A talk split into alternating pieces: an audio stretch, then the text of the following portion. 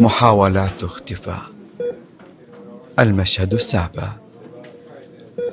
كان الجو متوترا جدا وكل واحد منا اتخذ له ركن. منهم من يغدو رائحا وعائدا في الممر ومن يقف دون حراك. وآخر راكضا كل هوينة يتحدث من خلال قمرة الهاتف العمومي. المزروعة بآخر الممر. أما أنا تقرفصت بجوار رجل مسن مفترشا سجادته ويتمتم بالدعاء. ولأول مرة أتجرأ بالجلوس بجوار أحد لا أعرفه. ولكن الفكرة كانت أن يخفف ذلك من توتري قليلا. ناظرني الرجل مبتسما وبصوت متحشرج هادئ بكر. قلبت السؤال داخلي حتى استوعبته جيدا. لأهز رأسي بالنعم. يجيبني. لا تحأتي. ادعي ربك بس. ادعي له وإن شاء الله بكرك ولد. أجبته بعد وضع كفه على ظهر كفي. صبي وفتى. ينتشي وكأنها بشارة له. بكرك توام ما شاء الله. يا عطايا الرحمن. وأخذ يكثر من الدعاء لنا ولهم. فقد أخبرني بأن زوجة ابنه هي التي تلد وهو نائب عن ابنه العامل في الصحراء ولم يصل بعد. فحمدت الله كثيرا بأني أعمل قريبا من عائلتي. آه مسمى جديد علي. عائلتي.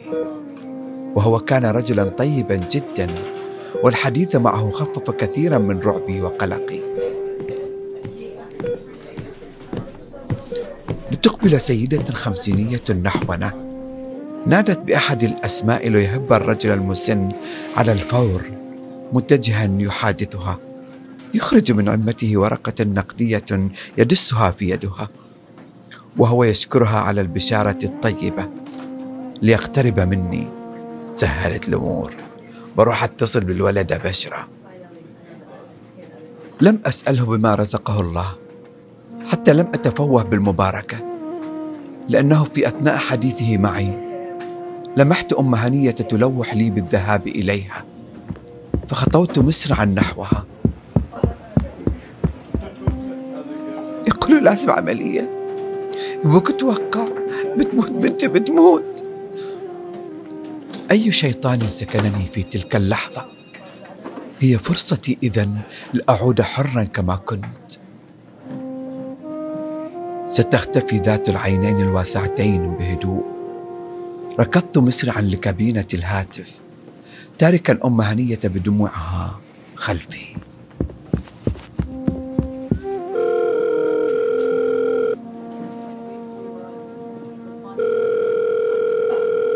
استنجدت بأمي. سردت الحدث. أمرتني بأن لا أوقع على شيء حتى تحضر هي بنفسها. أتتني وعباءتها مشرعة خلفها. أخذتني بين يديها. ومجرد النظر لعيناها هدأ كل شيء داخلي.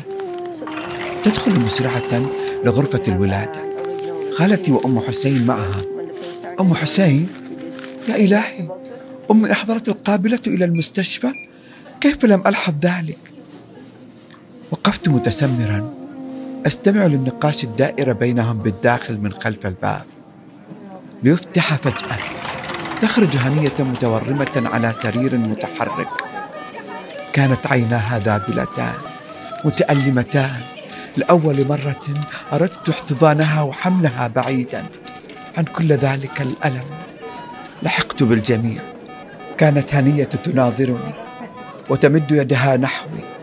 قاربت على لمسها ليبعدني الجميع عنها. أدخلت غرفة أخرى. أغلق الباب عليهم ظلوا بعض الوقت وأنا في نوبة خوفي. ألمح طبيبة الولادة متجهة نحوي مباشرة. وفي عصبية تصيح بوجهي. لو جرى لها حاجة أنا خليت مسؤوليتي ومش رجع لها تاني. لتخرج إحدى الممرضات منادية الطبيبة بعربية متكسرة تطلبها ضرورة الحضور لتغير الطبيبة رأيها وتسرع عائدة للغرفة ما الذي يحدث؟ هل حقا ستغادر هنية بطفلي؟ هل سأعود حرا أم سأسجن في حزني؟ أخرجت علبة السجائر أشعلت لفافة وبدأت أدخن والكل يلتفت لي. يصيح بي. الأخ ممنوع التدخين. لو سمحت دوخ برا. Excuse me, no smoking here. وأبويا شو يسوي ذا وأنا أدخن. أدخن. أدخن.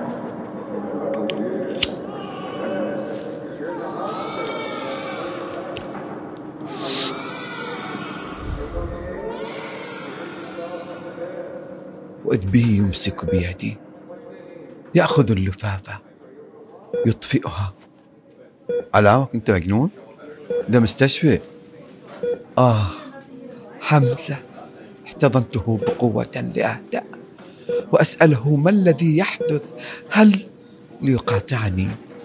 مبروك مبروك ربت بلا عملية. إيه خالتي ذي ما لعبوا أم حسين مسحت والدكتورة ولدت.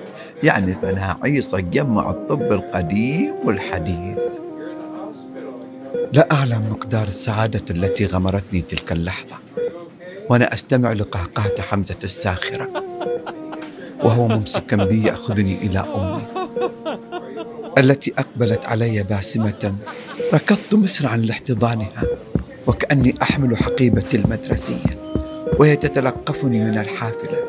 تزيح عني كل ذلك الثقل. ضميني إليك يا أمي. خبئيني من كل هذا التوتر والقلق المضني.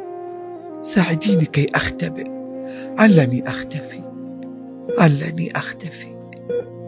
يتبع.